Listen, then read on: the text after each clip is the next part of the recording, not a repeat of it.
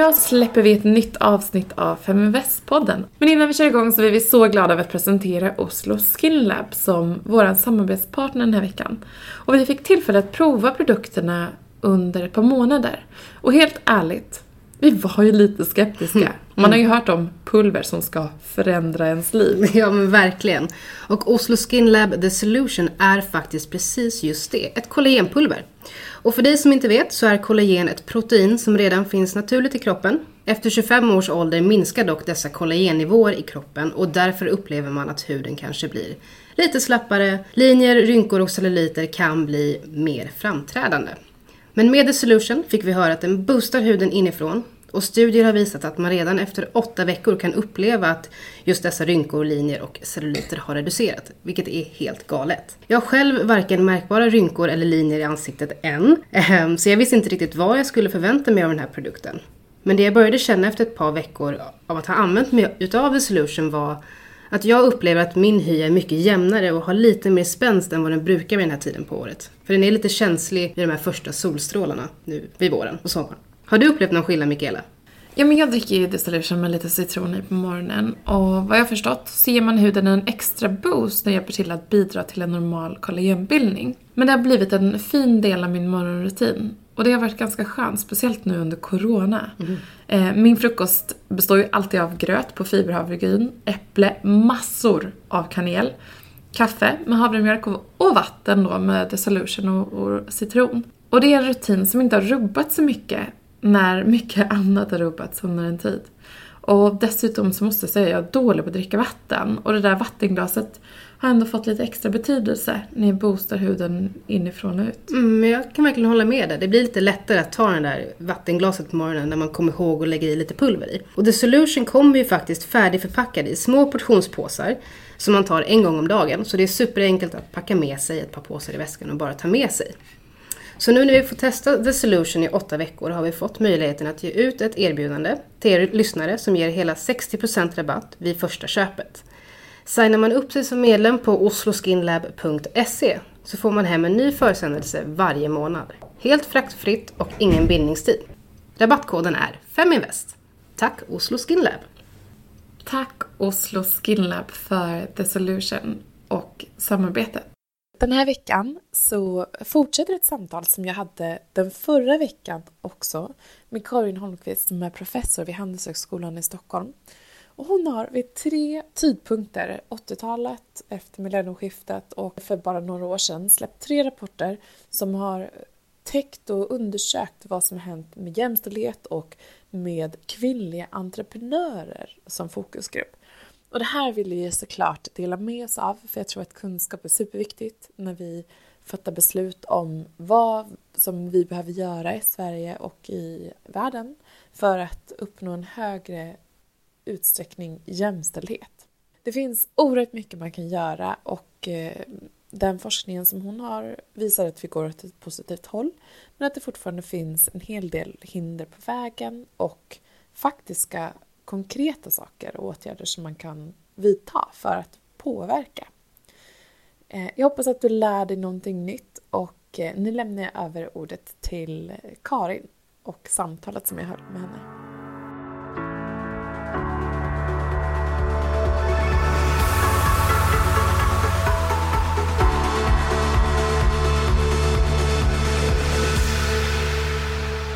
Men eh, det är ju eh, intressant liksom att okay, man ser att det, utbildningen spelar roll egentligen. Eh, mm. Tidigt stadium. Sen så påverkar inte könet egentligen resultatet eller hur det går för företagen. Nej. Statistiken visar att, att män i högre utsträckning gör konkurser som du också var inne på mm. och det har jag också läst. Eh, när jag har lusläst rapporterna från Statistiska centralbyrån. Och eh, enligt dig då så är det kopplat till att eh, kvinnor slutar tidigare att driva mm. bolag som inte de tror på. Mm. Och att de då ligger eh, mm. vilande så att säga. Mm. Ja, eller att de, att de lägger ner det. Så där. Sen, sen kan man säga, att vi har inte tagit upp det, men en sak som jag tror påverkar väldigt mycket, det ska bli intressant att se, för jag ser att ja, sist jag kollade så tog män ut 25 procent av föräldraledigheten. Alltså, jag tror, eller ja, det är inte bara jag som tror, alltså, vi har ju med, med rätta tycker jag väldigt goda eh, villkor för föräldraledighet och för, alltså för att vara hemma med barn när de är små och för vård av sjukt barn och allt det här. Men så länge inte det delas lika och jag, min förhoppning är ju att det ska ske på frivillig bas för det, jag, jag är inte mycket för tvång egentligen, alltså på det sättet. Men, men om, om, om vi kan komma till att på frivillig bas så, får, så, så är det fler som faktiskt delar det här lika, då, då, då tar vi bort, det skulle ta bort eh, två hinder för jämställdhet. Det ena är att eh, eftersom kvinnor då är borta mer så tenderar det att påverka deras löneutveckling. Alltså man är, man är borta ett år från, från sin arbetsplats så är det hemskt lätt att eh, det blir en, att det blir en felaktig i sig men en markör att den här människan är inte liksom riktigt med. Alltså, och speciellt att säga att man får tre barn ganska snabbt, då är man ju borta tre år kanske av, av sex, sju år. Och det, det tenderar att synas i plånboken. Man behöver inte, man behöver inte eh, ha några andra åsikter men det, man ser att, att, att, att det påverkar i plånboken och det påverkar också möjligheten att få eh, jobb. Om, all, om alla unga människor som får barn delar mellan paret så, så tror jag att mycket skulle vara vunnet där. Och jag tror också att det är en av de faktorer som gör att kvinnor mer än män drar sig för att starta. Därför att om man är anställd så får man ju de här förmånerna.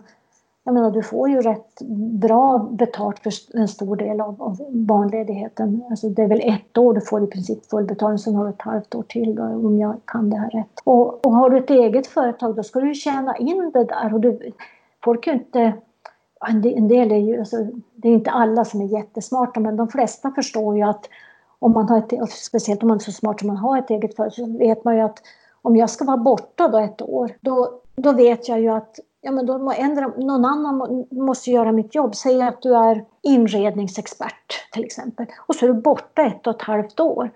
Ja men det kan ju hända att någon av dina kunder eller någon av dina kunders, alltså dina referenskunder behöver något på det där ett och ett halvt år. Så ändå ska du jobba när du är barnledig eller så kommer de att gå till någon annan. Och det här har man, pratar man i mitt tycke alldeles för lite om. Många företag är ju extremt beroende av individen och att de var borta ett och ett halvt år. Jag tror att det här är skillnaden mellan USA och Sverige. Sverige har högre andel av kvinnor och där är man ju i princip inte barnledig.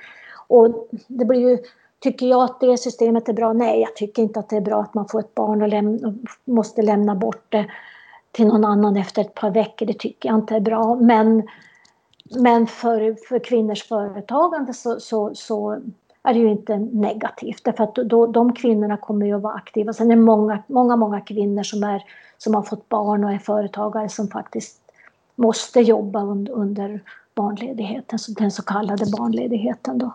Men, men det, det, här tror jag också är ett hinder därför att det gör att unga tjejer tänker att man ska göra bort det här med barn innan man startar och sen blir det aldrig aktuellt. Precis. Det finns, jag hade en, en, en kille som var doktorerad för mig, det är rätt intressant, Anders Landberg, han och hans fru Monica. Monica var, Anders var doktorand och lärare hos mig då, och eh, på min enhet entreprenörskap på Handels och Monica var jämställdhetsansvarig på Handels så de fick ihop det och sen får de på en semester i Thailand när de hade fått barn. Då, så de är gifta. Och eh, då fick de någon idé om en sovgunga som de tog så de har ett företag med, som är ganska stort nu, Ray Ray som säljer eh, alltså är distributör av artiklar för småbarns, alltså för barnfamiljer. Alltså all, allt och ingenting som går bra stationerat i Linköping. Och eh, ja, så, så jag, och, och då, då, han, han skrev sin avhandling om uppstartare. Och en av slutsatserna som jag har tagit med mig från hans arbete det är att det är viktigt med pace, alltså med fart. Det här när folk går och tänker, om du, om du är 25 och tänker eller du har gått ut högskolan, kanske 24 och så tänker du ja men någon gång ska jag starta eget. Och så börjar du planera. Och så går du och tänker på det där åtta år eller någonting, då surnar idén. Alltså du, de som inte, jag tror, om jag kommer ihåg rätt så, så var det så att de som efter två år inte hade, inte hade kommit igång, de kom aldrig igång. Alltså, du, du, alltså det har någonting att göra med att idéer surnar. Så, så, så, och, och, där tror jag att, jag tror att det spelar större roll. Det här är ju bara en hypotes. Jag tror att det spelar större roll för kvinnor. För det händer, kvinnor upplever att man, man ska ta det här med barnen först och man ska ta den. Och då, då har man kanske haft en idé om någonting och att det med kraft ta tag i den gamla idén är mycket svårare efter fyra fem år. Mm. Men om man då tittar på, liksom, okay, vi ser en viss eh, andel i ökade bolag från 25 procent på 80-talet fram till 30, nu som ligger på ja. 30, ja, drygt 30. Mm. Eh, hur ser man då på liksom ägandet? För jag tänker, Sverige är ju ändå enligt Världsbanken en av de mest jämställda länderna i världen när det kommer mm. till den, de juridiska förutsättningarna. Mm. Mm. Ser man någon förändring där?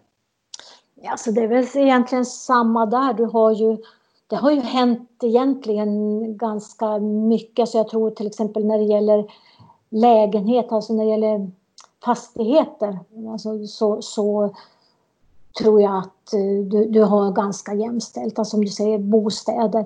Bilar har ju blivit lite vanligare men fortfarande tror jag bilar står mer på män. Och jag tror att män sparar mer men det handlar ju också om alltså, kapital får du ju genom att du tjänar mer än du Alltså om, du är, om du är löntagare så får du ett sparkapital genom att du ett har, har högre inkomst så du kan spara mer. Två, att du, att du investerar det.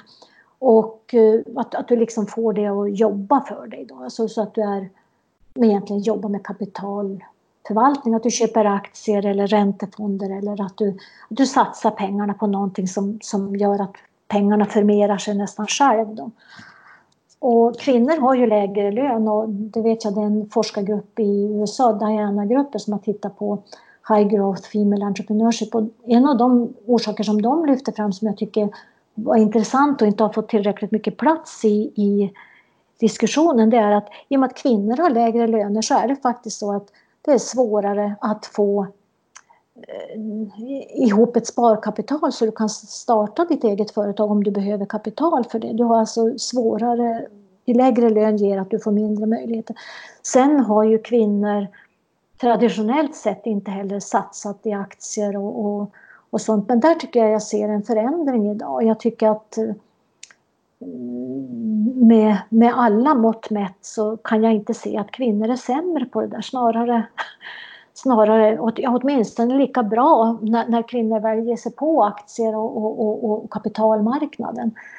Eh, ja, för jag ser, Euroclear ser ju att det är en stor ökning bland unga kvinnor faktiskt som registrerar sig som som eh, aktieägare. Ja, ja. Eh, så det är väldigt intressant. Eh, ja. Men sen så ser man ju fortfarande i portföljerna av de dataundersökningar som görs av exempelvis Euroclear att det är mindre tillväxtbolag i de kvinnliga portföljerna, mer de storbolagen mm. där. Så att vi är lite försiktigare i vilket hur vi placerar våra pengar. Vilket kanske inte är så dumt. Alltså om du tittar på, ja du kan titta på en av mina mm, favoriter med, i, i, i, den. Det finns ju män som om du tar hela Fredrik Lundberg-sfären bygger på sånt tänkande och de går ju bra. På lång sikt går de bra, på kort mm. sikt de är, de är sällan med. Jag tycker att eh, jag satt i någon eh, grupp som bedömde forskningsansökningar med honom och jag tycker att hans jag skulle nästan säga att han, hans eh, filosofi som jag uppfattade den om hur man tänker om aktieportföljer är, är passar kvinnor skulle jag säga. För att han, han sa ett, du ska inte köpa aktier i någonting som du inte begriper. Två, du ska tänka långsiktigt. Och därför att eh, det här risk... Eh, jag menar sen om du är daytrader då, då får du tänka, det är ju annan, annan logik då men, men jag tycker att det är jättebra att, att kvinnor ger sig in i det. Sen tycker jag också att man ska vara man ska vara medveten om riskerna alltså med, med att satsa. Man ska vara medveten om att det är i någon mening så riskar man alltid det man satsar i aktier. Och, och, och det, det, är väl bra. Så jag tycker, inte, jag tycker faktiskt inte att man ska sätta allt i aktier. Jag tycker att Eh, man, det ska vara kapital som man, som man kan vara utan och det är svårt om man inte har en hög lön som man faktiskt kan vara utan.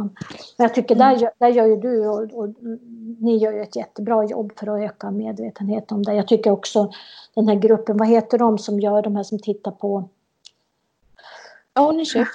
Ja, precis. Jag tycker det är också jättebra att man, man, man pekar på hur det ser ut. Jag menar skogen, där är ju kvin, kvinnor äger ju mer skog nu än vad de gjorde förut. Och det, det är ju, vi har ju också vi har ju bra arvslagar och sånt där så det, det, det gör ju att, att kvinnor får mer. Men, men sen handlar det ju om, det handlar ju om att tänka på, alltså att, att se sig själv som ekonomiskt myndig höll jag på att säga. Och jag, jag följde under ett tag i, på en Facebookgrupp, nu höll jag på att säga skit jag väl i det blå skåpet, men den hette något Ekonomista eller något sånt där. Och ibland, jag slutade följa den för jag orkade inte för jag tänkte men herregud kan de ingenting? Så att, mm. och, och, när jag ser sånt där så tänkte för det var, det var så, det var så jag sa, hej min kille och jag ska ta ett lån eller vi ska köpa en lägenhet. De säger att den som heter ränta, vad är det? Mm.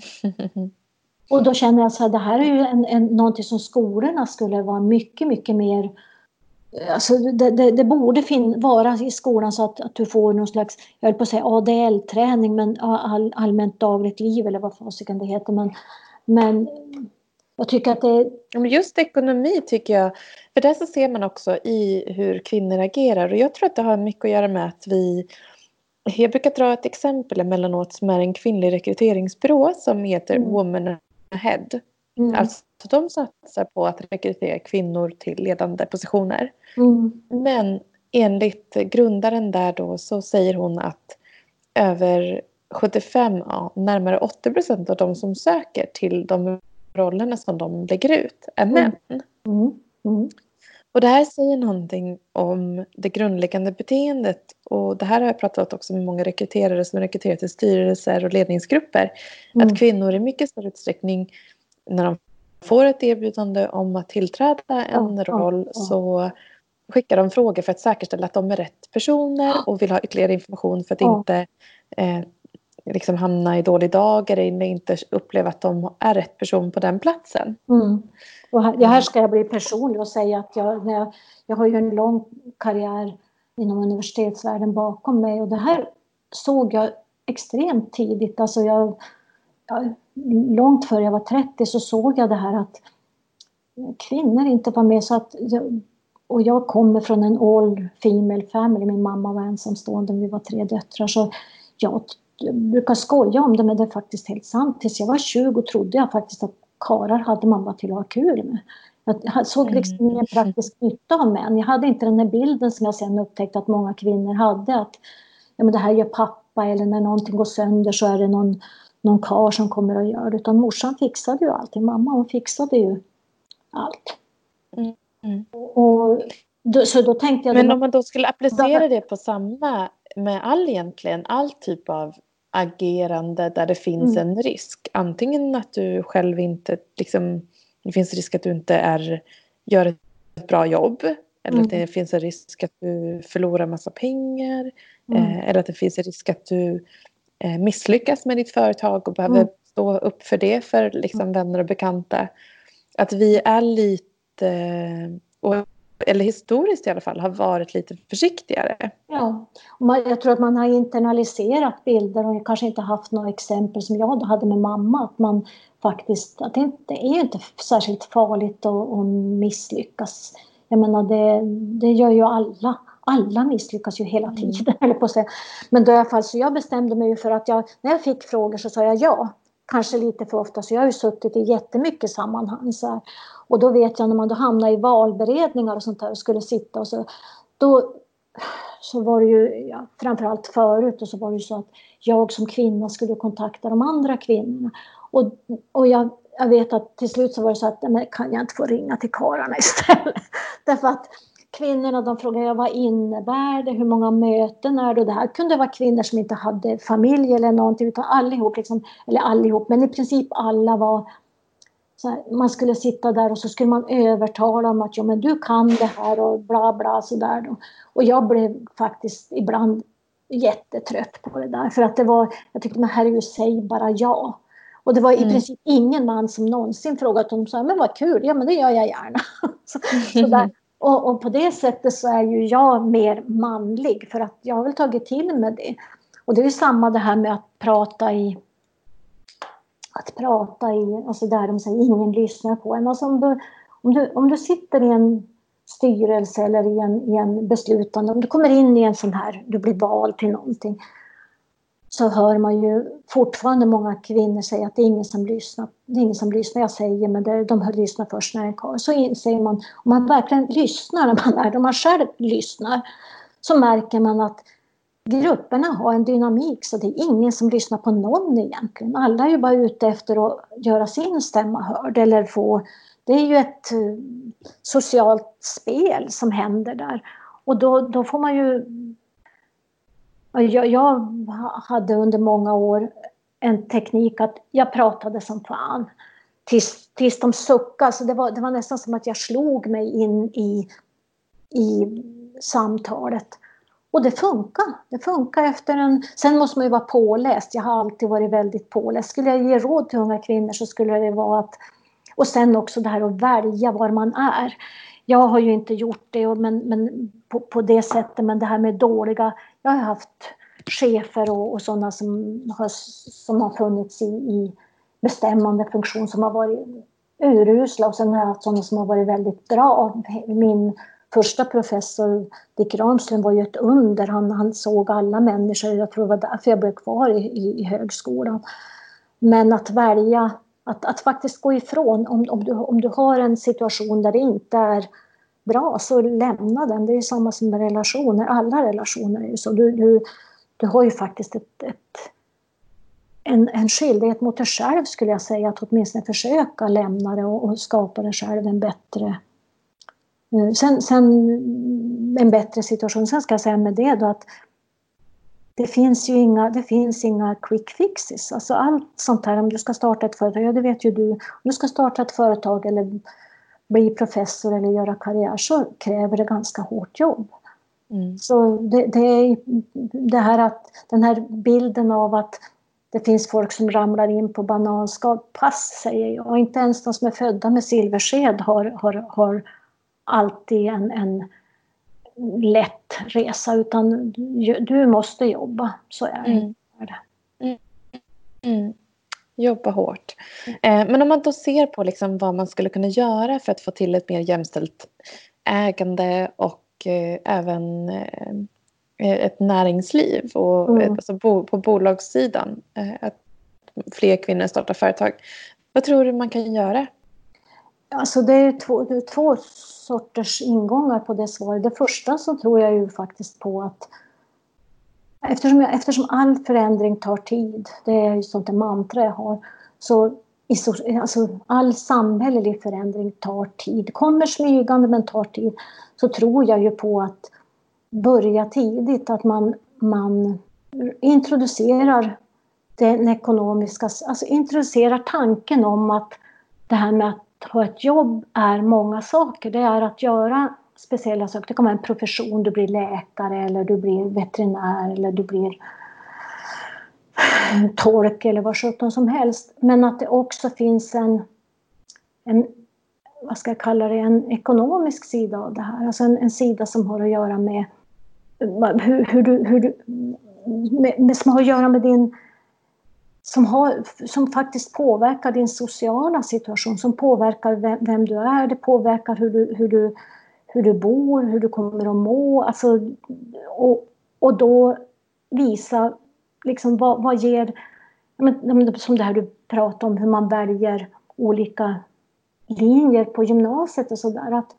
Jag, alltså, jag tror barn, eller de, de ungdomar som, som väljer till gymnasiet tror jag idag faktiskt nästan sämre rustade än vad jag var när jag valde eh, gymnasium för det är så hemskt mycket större utbud. Och, och, och, du får ju, om du väljer bara efter vad som känns rätt så hamnar du lätt på en bana som, som, som inte ger dig ett utrymme i livet, alltså som inte ger dig ett, ett, ett, ett en, ett ekonomiskt utrymme som, som är, och då menar inte jag att bli rik, utan jag menar att kunna klara så att man har en rimlig pension när man, när man blir gammal och att man har, att man har en, en rimlig försörjning så att man inte behöver liksom gå och titta på extrapriser hela tiden. Jag, jag har själv vuxit upp, mamma var städerska och tågservitris, så jag vet vad det innebär att, att, att ha väldigt lite pengar.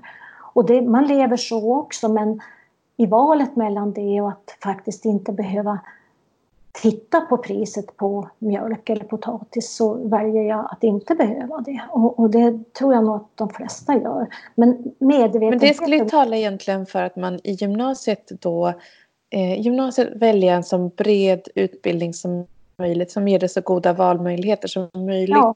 när ja, du väl ska plugga. Ja, ja, om du inte vet att du liksom att du är tekniskt intresserad så jag skulle säga att tyvärr så är det ju så att och sen, sen det andra som man kan göra från andra hållet det är ju att uppvärdera vissa saker. Idag har vi ju, vi har ju det här att vi gjorde allting det är inte bara det utan det är att det är kvinnligt, kvinnligt definierat att vård och omsorg. Det är kvinnligt definierat då. Det är kvinnor som vårdar och sådär. Det, det finns ju någon slags bild av det. Och sen gjorde vi det offentligt och det betyder ju att det var gratis. Min man var tandläkare och jag minns ju att, att jag tänkte ofta på det att folk sa ja nu har jag varit hos tandläkaren och det var så dyrt. Inte hos min man för han var snabb men, men så det blev inte så, så dyrt på timbasis. Men att folk tycker att det är dyrt att gå till tandläkaren om det kostar 800, 800 eller 2000 och så köper man gladeligen ett par jeans för, för minst det beloppet. Alltså det är, vad, vad tror man att det kostar egentligen? Och då har du folk som har studielån och du har en, en specialistkompetens. Alltså du, du, du, jag menar, det är ju egentligen helt orimligt som vi har det till exempel nu, har ju blivit så tydligt med, med covid-19 här, med äldreomsorgen, att folk som, som ska vårda människor kanske går på, på löner som vi ger till våra studenter när de, när de, när de skriver eller när de hjälper oss med, med, med uppgifter i, i forskningen eller när de är assistenter. Det är ju bedrövligt. Alltså, vad, vad, vad tror man man får? Och det, det, det, här att, att olika att det som har varit kvinnligt definierat värderas oerhört mycket lägre. Mm. Ja, men om du tar till exempel ta dagisavgifter, alltså förskoleavgifter säger man väl då. Jag vet inte vad det, vad det kostar idag men jag, jag, har en, jag, jag vet att jag har reagerat på att vi betalade då, jag tror vi betalade 2500 i månaden på 70-talet för ett barn. Och det är ju mycket mer. Ja, jag tror att det är lägre idag. Ja, ja. Och, och, och, så vi värderar ju inte, jag menar, och, och då ska det tas via skatter och så ska man sänka skatterna. Vi värderar inte.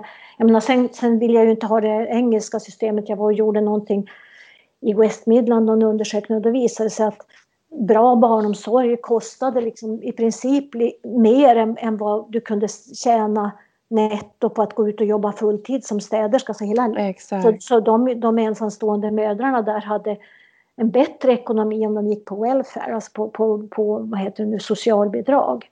Och det är ju inte heller bra. Men, men, så, så jag skulle säga, och sen... Men alltså att det ändå ligger en underliggande värdering i att kvinnliga yrken inte har samma, eh, samma värde. Ja, oh ja. Mm. Så, så gör det. Och, och, jag menar, och sen det som är intressant, det är ju det, jag tycker att det ska bli, eller intressant, för jag tror redan, jag, jag, så jag har en väldigt stark känsla av att många yrken har blivit kvinnoyrken. Till exempel, ja, som jag sa, domare är tydligen kvinnodominerat och det är fler kvinnor som läser juridik än vad det är män. Så, och då, det kommer att avspegla sig på lönerna. Eh, det, det, var ju vad som hände, man såg i Sovjet var ju kvinnor läkare alltså i hög utsträckning och låga löner.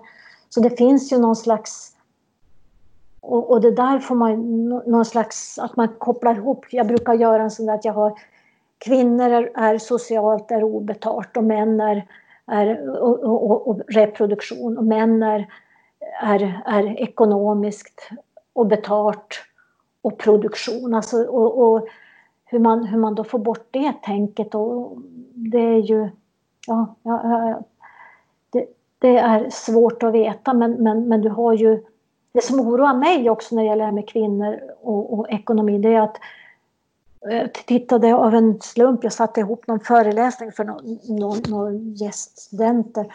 Så jag tittade på det här några år sedan på hur det såg ut på svenska arbetsmarknaden.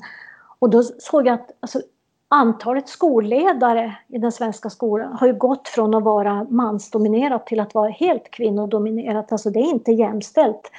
Om, om du går in på siffrorna om kvin, på tal om kvinnor och män från SCB, den, så ser man att eh, kvinnor dominerar som skolledare och rektorer på i princip alla, alla eh, stadier upp till gymnasium. Och det är ju, personligen så anser jag ju inte att, att det är bra att Även om det ger kanske lite bättre lön för eller det ger bättre, på kort sikt ger det bättre lön för de kvinnorna än, än om de fortsätter som lärare. Men det är ju inte bra att du har jag tycker det är väldigt intressant. Jag blev väldigt så jag tänkte, jaha, varför har jag inte sett om det här att det har blivit ojämställt? För det är ju ojämställt. Det är lika ojämställt om det är mycket kvinnor som om det är mycket män.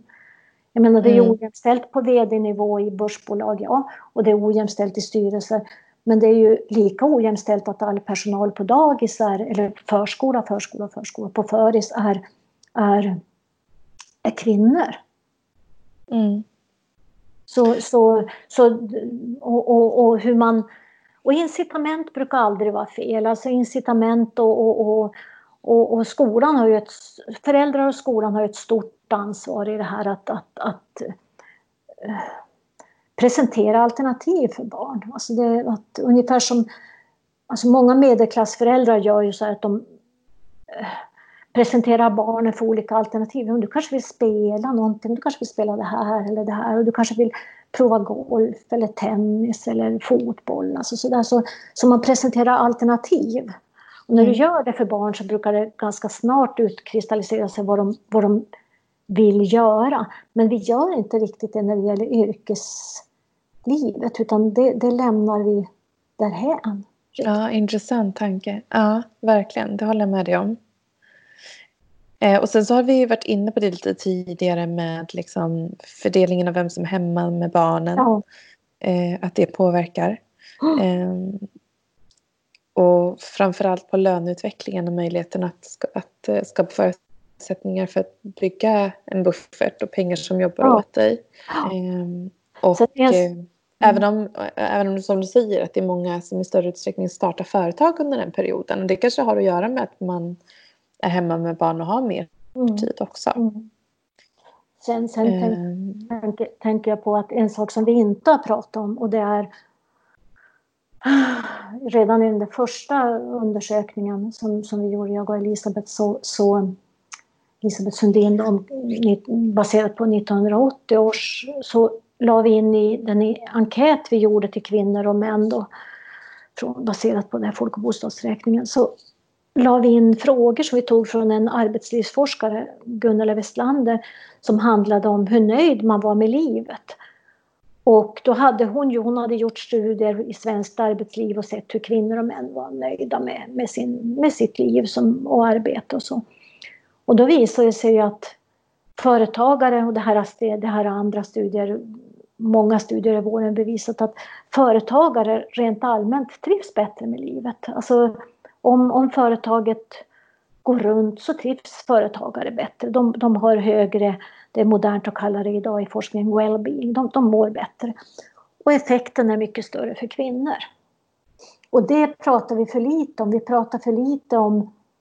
Alltså, jag skulle gärna se en, en, en medieretorik där man pratade om de positiva effekterna på, på själv känsla och självförtroende och känsla av mening med att vara egen företagare. Att eh, faktiskt bestämma själv. Man har en idé om att man vill ha den här typen av café eller vad det kan vara. Och så gör man det. Och det, det därför att det blir lätt. Jag pratar ju själv så ekonomi är, ja, ekonomi är viktigt. Men ekonomi är basen. Vi vill alltså, att allt har fler ska våga äga När du har en trygg ekonomi eller trygg och, och trygg. Men, men när du har jo, en ekonomi som gör att det går runt. Och utmana då, då, runt ägande, Då ska man inte glömma de där faktorerna. Alltså de, när det går dåligt så kommer de bli våra kanaler, Facebook, Instagram, Youtube. Varje vecka så kommer vi även ut med en podd. Du kan ju självklart men, även följa men, nyheternas Man glömmer ofta de, det, de Det är bara att söka på Feminvest på samtliga kanaler så hittar du till oss. av att ha eget företag, känslan av att det här, jag har gjort det här Alltså ungefär som, ja men jag är ju skrivare, jag skriver ju. Alltså när man är färdig med en, ett kapitel eller en bok eller en, en, en, ja, en artikel så blir man ju väldigt nöjd. Sen går det ju över och så behöver man ju skriva en till men, men det är ju en känsla av att ja, alltså ja. Ungefär som, när man, ja, ungefär som när man tar upp egenodlad potatis. Ja. Alltså det, det är, och, och det där är mycket för att ditt, ditt arbete tillhör dig. Alltså det är ju det här självständighets som ju är nyttigt för människor. Sen kommer man ju inte att tycka om alla för självständiga människor blir ofta ganska, eller, ganska Ja, de litar ju på sig själv så de har ju ofta åsikter. så det är ju...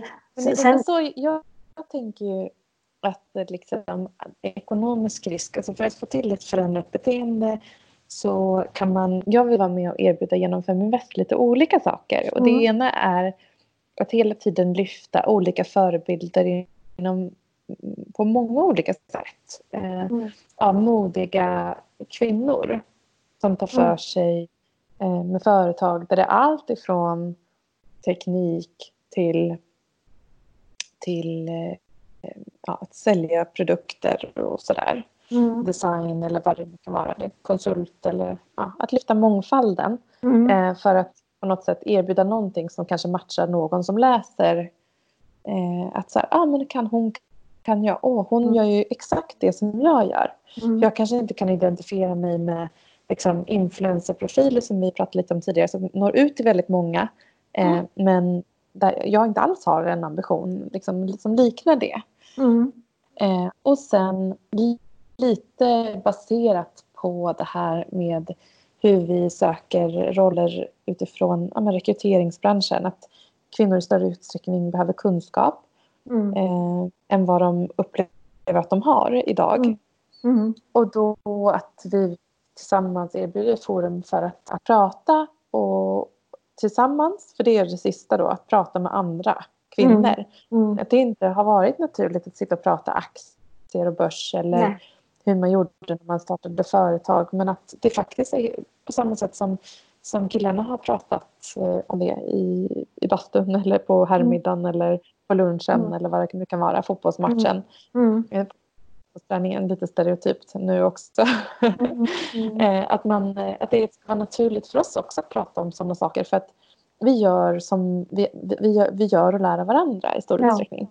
Ja, och jag tänker, jag, håller, jag tycker det låter jag bara säger ja och amen ungefär. För att det här med förebilder tycker jag, det, har, det har, vi lyft fram också i den där andra boken du pratade om, Företagarskan, under, under den, den andra delen av, av det stora projektet och kvinnors företagande. Så förebilder är enormt viktiga och därför tycker jag det är så bra att vi, vi idag ser, jag brukar ju lyfta fram det nätverket 17 kvinnor som har hög omsättning därför att det är också så där att det blir lätt att det blir en stereotyp bild av hur en kvinna är när hon är företagare och det finns ju alla möjliga från Dorotea Bromberg som har bo, bolag till den som driver ett privat dagis till den som har en mekanisk verkstad. Det finns ju alla, alla, alla sorter. Och, och, och sen är det ju det att alla förebilder passar ju inte för alla. alla jag tycker det här influencerlandskapet är rätt otäckt på det sättet att, att det lätt blir att det blir en stereotyp, väldigt ytlig bild på de här förebilderna. Men det kanske har med medierna att göra. Att det, jag menar, det, det är ju inte så att Instagramformen passar för att uppmuntra folk att läsa filosofisk grundlitteratur. Så det, det, det, det, ja, mediet på något sätt formar det. Men min erfarenhet när jag har undervisat om entreprenörskap, det, är ju, det upptäckte jag rätt fort att när jag tog in entreprenörer som gästföreläsare så kunde jag ta in så här jättekända äldre företagare, Dan Olofsson minns jag att jag hade. Och folk gillade honom, det var inte det. Folk gillade honom. Men det funkar så hemskt mycket bättre jag hade med Bengt Ågerup också, alla möjliga. Så fungerade så hemskt mycket bättre än tog, tog in de här som hade varit i labbet alldeles nyss och startat företag. De som var typ fem år äldre. Och jag tror att mm. det här med förebilder måste du ha många olika. Därför tyckte jag att det här Tillväxtverkets ambassadörsprogram var bra för då var det 800 Sen hade man säkert kunnat göra ännu mycket bättre men det var 800 kvinnor som hade företag som, som fick uppgiften att gå ut på skolor och så och prata om det här. Och då är det, för du, alltså det är en slags anknytningsteori bakom det här med förebilder. Alltså det måste ju vara någon som du känner att jag skulle vilja vara som henne. Och, mm, och om, du inte, om du inte känner det, om det kommer in en om du sitter uppe i, vad ska jag säga, Överkalix och aldrig har sett en, en person, alltså, eller aldrig har sett någon som är ja, men, uppklädd till tänderna och, och, och på stockholmsk höll jag på att säga, då kanske inte passar det. Eller så passar det. Det kan ju vara någon där som hela mitt liv har jag drömt om, om att se ut som Säker stil-tjejerna. Va? Mm. Så, mm. Så, så, så du måste exponera unga människor speciellt för en lång räcka uh, förebilder av olika slag. Alltså skulle jag då skulle jag liksom säga okej, okay, bring it on, in med alla, alla jäkla sorter, alla färger, alla storlekar. Däremot så skulle jag när det gäller folk i, på gymnasier och, och på gymnasier och universitetsnivå inte sätta in folk över, över, ja, över 40 därför att när man är så ung så tror man inte att man någonsin kommer att bli så gammal. Mm. alltså, jag menar för en, för en som är 65 så kan en, en 25-åring fungera som förebild. För då kan det bli kan han så kan jag. För man kan identifiera sig i viss mån. Så där var jag, han påminner om mig när jag var 25. Och jag kan också associera till en man. Därför att jag har levt längre så jag har liksom hela min världsbild är mer grumlig höll jag på att säga. Men när man är ung så har man då söker man liksom sin plats och då, då, då då måste det liksom passa med någonting som man... Och jag, jag tror ålder har jättestor betydelse där. Jag tror, hell, jag tror att det är bättre att skicka in en 22-årig kille till, på högstadiet för tjejerna än att skicka in en, en 40-årig kvinna, det tror jag. För de, de, tror inte att de kommer att bli så gamla. Mm. Mm, alltså intressant. Det, det, och, och, så förebilder och sen tänkte jag det här med hjälp. Alltså, I någon mening så handlar det ju om att Alltså att inte, att få... Alltså vi tänker ju inte att vi ska hjälpa män att bli företagare. Vi tänker att vi ska hjälpa kvinnor. Vi har liksom en bild av att kvinnor är hjälplösa och den kanske vi odlar själva också som kvinnor. Alltså att vi måste... Jag skulle vilja ha lite, jag ska inte säga, men lite spark i baken sådär att men påsken, alltså du är ju, du är ju en, en, en myndig och ak, ak, agerande människa. Det här fixar du liksom. Så, alltså, vad ska jag säga, en, en, en vänlig knuff. Men det här att, ja, jag, jag har ju varit med mycket och där, jag tycker att det är bra att kvinnor möts och, och pr pratar om aktier. Däremot får det ju inte bli att, att man stannar i att Alltså, för det är ju så här professionellt. Men jag tänker på alla de här kvinnogrupperna. Alltså man måste ju lära sig att leva med män också. Alltså, det, det, kan ju hända, jag är ju hårt formad. Jag var, det, när jag började jobba så var vi, det var en kvinna som hade börjat före mig.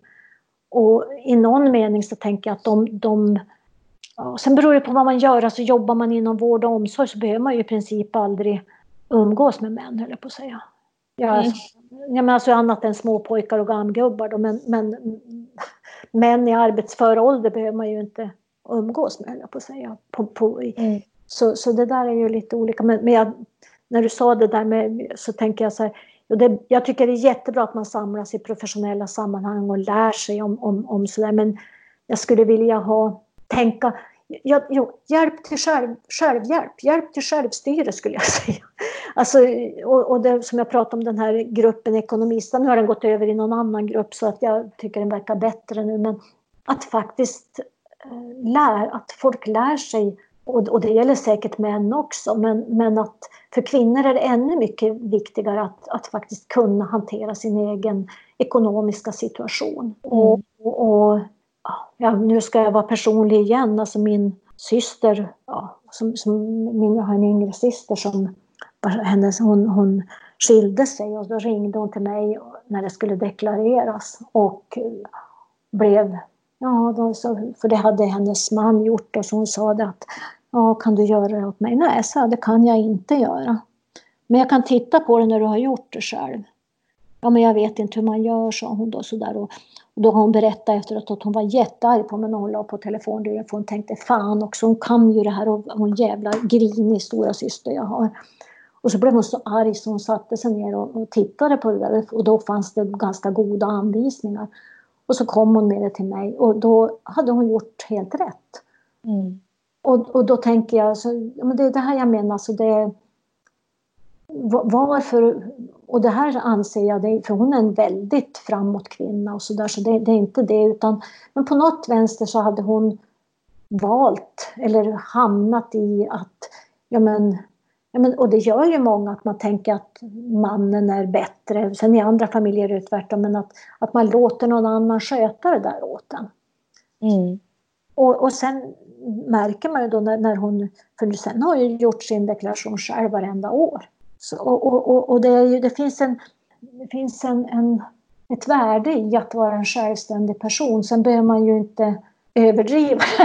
man behöver inte överdriva om man nu är gift och sådär. Men, men det finns ju ett värde i att känna att jag klarar allting som hör till att vara en medborgare. Jag klarar att rösta, jag klarar att sköta min ekonomi, jag klarar ja, jag, jag klarar att... Och, ja, ekonom, och ekonomin är central. Jag låter ju som en kamrer. Men ekonomin är central. Mm. Och, och, och, och, och jag menar att, att ha ett, ett eget, jag, jag tycker inte om det där uttrycket man har med att, men, men att ha ett eget baskapital som gör att man har en trygghet i hårda tider är ju jättebra. Sen kan inte alla bygga det, det ska man också vara medveten om. Om du jobbar som lågavlönat vårdbiträde så kan du inte bygga ett sådant kapital. Mm. Det finns inte ens så. Mm. Nej. Men eh, jag har ett par snabba frågor här på slutet. Mm. Eh, och det är en kort, en stor fråga i och för sig. Men eh, om man då pratar liksom om, om att vi har goda förutsättningar i Sverige för jämställdhet juridiskt och sådär med de lagar vi har och, och förutsättningar på det sättet. Mm. Hur ser det då ut internationellt och när det kommer till entreprenörskap? Har du sett någon, något intressant som skiljer sig och som kanske har varit framgångsrikt? Alltså, man kan väl säga att om, om du tar ett, jag kan ta ett exempel, USA har ju en helt annan syn på det här med företagande, alltså där är det mycket, mycket vanligare att, att vara för. Alltså företagandet där, det har ändrats i Sverige så det har blivit mer så, men fortfarande så skiljer vi oss åt. Alltså i, i USA är det mycket mer, mm, höll på att säga, normal business att du startar företag och också att du går mellan. Jag har till exempel en av de forskare som ingår i den här Diana-gruppen om kvinnors företag som jag pratade om. Hon, eh, hon är grundare av det här företaget som heter Staples. Som är ett stort företag. Så du, du går mellan. Du går mellan. Du är anställd, du är forskare, du är hemmafru, du är eh, företagare. Och det påverkar ju naturligtvis sannolikheten att, att bli företagare väldigt mycket. Och sen har du ju också, för, för det blir, om det inte lyckas så kan du gå tillbaka och göra någonting annat. Fortfarande så lider vi i Sverige av att om du misslyckas som företagare så ser du det som ett, som ett, som ett generellt misslyckande. Inte bara som att du har misslyckats med att hoppa över den där ribban utan du ser det som ett generellt misslyckande i stora kretsar. Det håller på att ändras men fortfarande. Och, och sen kan man också säga att de har ju inte den sociala skyddsnät som vi har vilket ju gör att det, det, ett, ett, ett, ett, en fast anställning inte betyder exakt samma sak. Sen kan du säga att många av de som har fast anställning då är det ju kopplat till sjukförmåner och sådär så då är ju många då lägre medelklass och så som undviker att byta därför att du, du, har, du har social security via ditt jobb, inte via stat. Mm. Sen har du en annan typ av, sen har du ju då om du tar hela, ja, om du tar länder med sämre ekonomiska villkor, typ i Afrika, där har du ju kvinnor som, som driver företag som är mer av Alltså, man pratar ju om nödvändighets och möjlighetsbaserat företagande och där har du ju många som startar företag för att de, ja, men, de sitter vid vägkanten och säljer, säljer eh, jordbruksprodukter till de som kör förbi. Så, och och där, där, är det en stor andel kvinnor då som, som, som gör det här.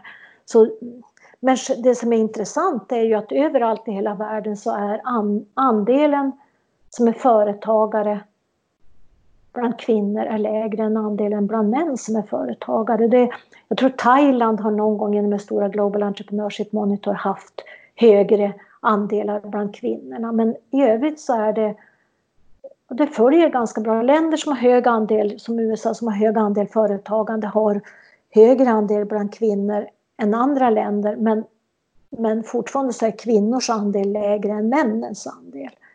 Så det, så det finns en, en global skillnad i företagsbenägenhet mellan kvinnor och män där kvinnor är lägre. Mm. Det är väl vad jag kan säga. Mm. Ja, intressant. Du sitter ju också som rådgivare i jättemånga olika, eh, både noterade och onoterade bolag. Eh, har du tänkt på att utkristallisera några trender och tillväxtsektorer som du ser just nu? Du tänkte generellt eller för kvinnor? Ja, kanske både och. Mm. Alltså, det, det som är... Jag tror, jag tror två, två branscher som jag eh, kan betta ganska hårt på att de kommer att, att, att vara långsiktigt aktuella. Och det ena, eller, eller ett fält, och det ena är miljö. Mm. Miljöföretag som satsar på miljön. Och där finns det ju då företag som satsar direkt på det, alltså typ renings, alltså sådana som renar och sådana som jobbar med ekologiska och allt sånt där.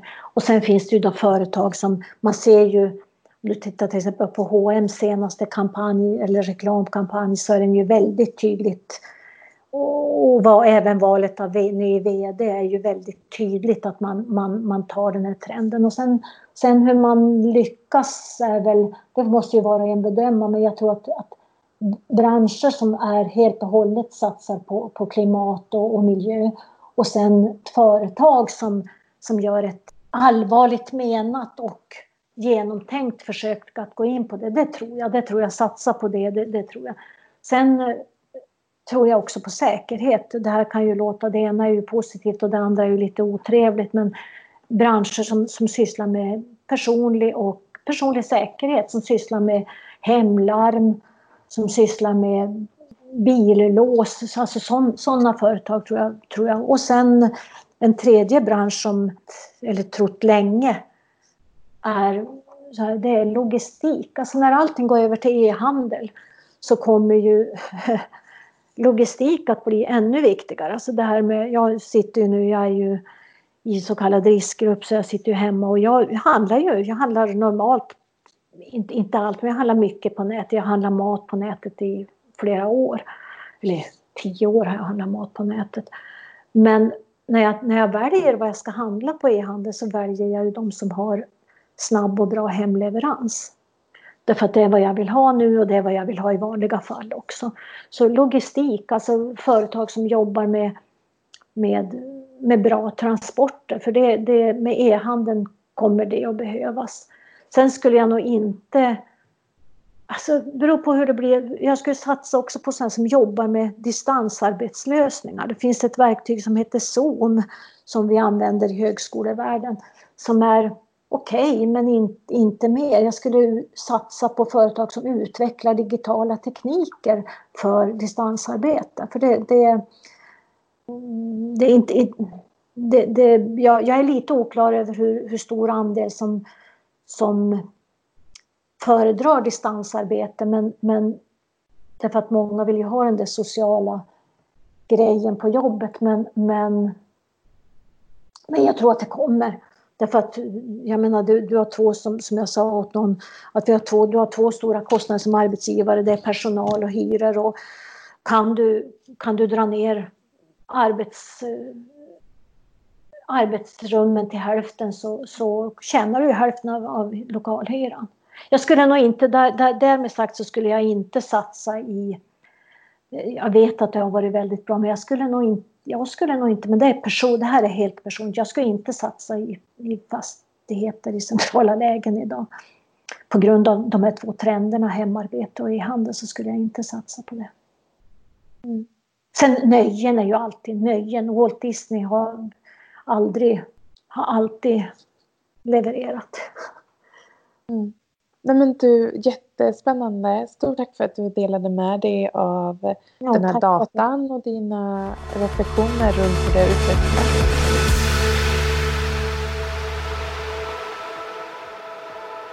Feminvest är Sveriges största investeringsnätverk för tjejer. Vi vill att allt fler ska våga äga och förvalta. Och hur gör vi då detta? Jo, vi vill inspirera, utbilda och utmana runt ägande, investeringar och entreprenörskap. Följ Feminvest på våra kanaler Facebook, Instagram, Youtube. Varje vecka så kommer vi även ut med en podd och du kan ju självklart även följa nyheterna som publiceras på feminvest.nu. Det är bara att söka på Feminvest på samtliga kanaler så hittar du till oss.